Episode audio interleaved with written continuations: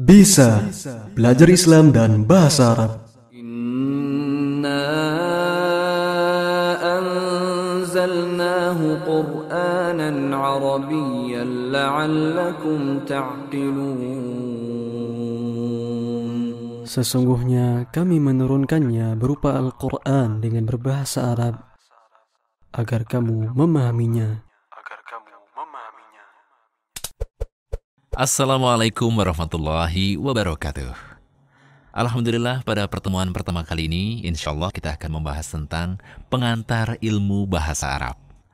Ilmu bahasa Arab memiliki beberapa cabang ilmu, di antaranya adalah ilmu nahwu, ilmu sorof, ilmu mantik, ilmu balaghah, ilmu arud, dan ilmu lainnya.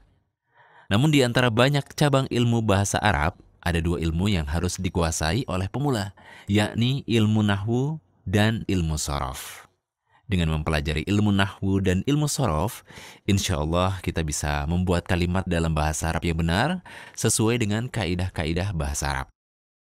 Adapun ilmu-ilmu lainnya seperti ilmu mantik, ilmu balaghah, dan ilmu arud sudah tidak lagi membicarakan cara membuat kalimat yang benar dalam bahasa Arab. Tetapi sudah sampai pada cara membuat kalimat dengan indah, baik susunannya maupun maknanya. Jadi, sebagai pemula, kita wajib untuk menguasai ilmu nahwu dan ilmu sorof.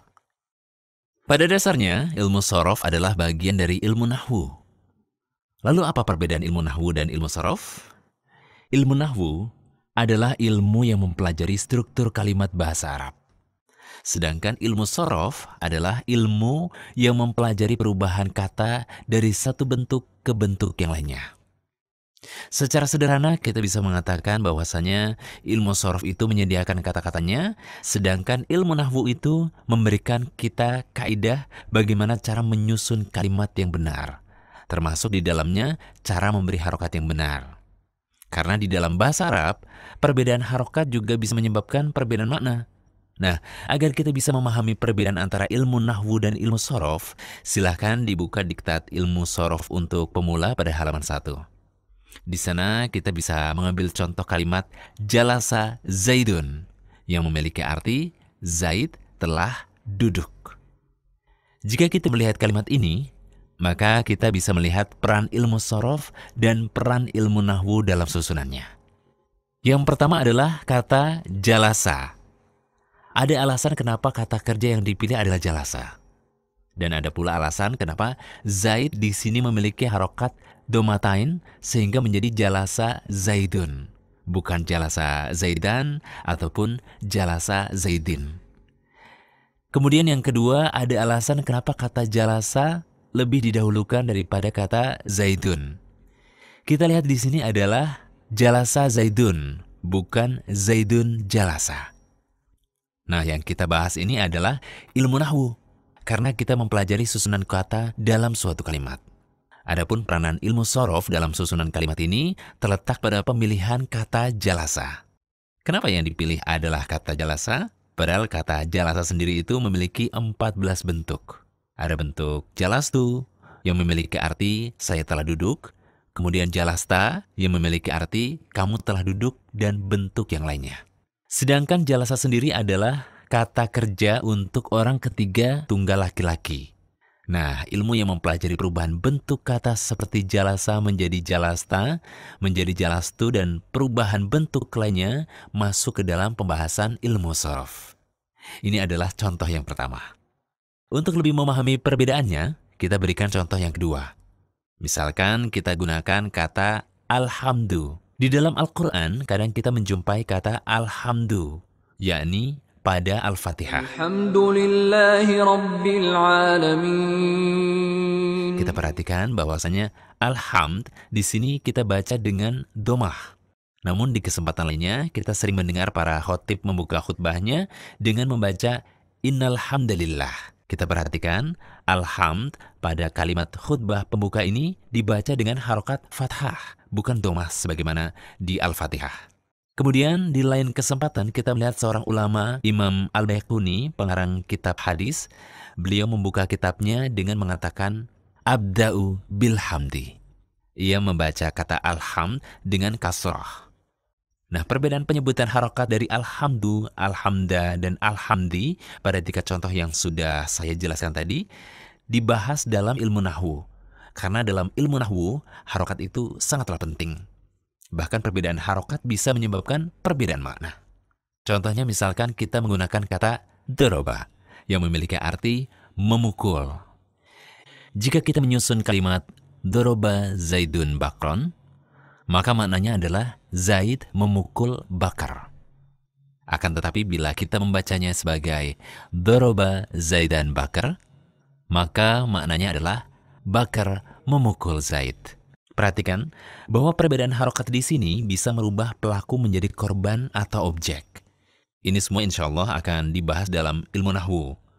Selanjutnya kita akan melihat contoh pengaplikasian ilmu sorof kita masih menggunakan kata yang tersusun dari ha, mim, dan dal. Dan semua kata ini memiliki akar makna yang sama, yakni tidak jauh dari arti pujian. Contohnya pada Al-Fatihah. Kita membaca Alhamdulillahirabbil alamin. Segala puji bagi Allah, Tuhan semesta alam. Alhamdu memiliki arti segala puji bagi Allah. Kemudian kita sering mendengar istilah tahmid. Ada unsur ha, mim, dan dal pada kata tersebut. Dan kata ini maknanya tidak jauh dari kata pujian. Tahmid adalah istilah untuk zikir dari Alhamdulillah. Kemudian nama Rasul kita, Nabi kita yang mulia, Sallallahu Alaihi Wasallam adalah Muhammad. Ada unsur ha, mim, dan dal, yang artinya orang yang dipuji atau terpuji. Kemudian Rasulullah juga dinamai dengan Ahmad. Juga ada unsur ha, mim, dan dal pada kata tersebut. Dan kata Ahmad ini maknanya adalah orang yang paling terpuji. Kemudian nama-nama Islam yang sering digunakan oleh kaum muslimin seperti Hamid yang maknanya adalah orang yang memuji, Mahmud yang artinya orang yang dipuji, dan ada pula yang bernama Hamdi yang maknanya adalah pujianku. Ada unsur ha, mim, dan dal pada kata tersebut kita bisa melihat bahwa untuk kata ha, mim, dan dal memiliki banyak sekali variasi kata. Dan inilah yang dibahas di dalam ilmu sorof. Kesimpulannya, ilmu nahwu adalah ilmu yang mempelajari susunan kalimat, baik harokatnya maupun letaknya. Adapun ilmu sorof adalah ilmu yang mempelajari perubahan bentuk kata dari suatu bentuk ke bentuk yang lainnya. Ilmu nahwu dan ilmu sorof sering disebut oleh para ulama dengan istilah ilmu alat. Karena memang ilmu ini adalah alat atau kunci untuk membuka cakrawala Islam dan mempelajari seluruh cabang ilmu Islam. Tidak mungkin kita bisa mempelajari tafsir dengan baik kecuali setelah kita memahami bahasa Arab. Tidak mungkin kita bisa memahami hadis Rasulullah dengan baik kecuali setelah kita mempelajari bahasa Arab. Tidak mungkin kita bisa memahami lautan ilmu yang luas dari para ulama yang kita jumpai pada kitab-kitab mereka kecuali setelah kita mempelajari bahasa Arab. Jadi benarlah perkataan seorang penyair yang mengatakan bahwa annahu aula awalan alama idil kalamu dunahu layufhama. Ilmu nahwu yang mencakup ilmu sorof adalah ilmu pertama yang paling utama untuk dipelajari. Karena perkataan Allah dalam Al-Quran, perkataan Rasulullah dalam hadis, perkataan ulama dalam kitab-kitabnya tidak dapat dipahami kecuali setelah kita mempelajari ilmu nahu dan ilmu sorof. Oleh karena itu, ikhwan dan akhwat, marilah kita berdoa kepada Allah Subhanahu wa taala agar kita diberi kemudahan untuk mempelajari ilmu nahwu dan ilmu sarf. Demikian pelajaran kita yang pertama. Semoga apa yang saya berikan bermanfaat untuk semua. Wassalamualaikum warahmatullahi wabarakatuh.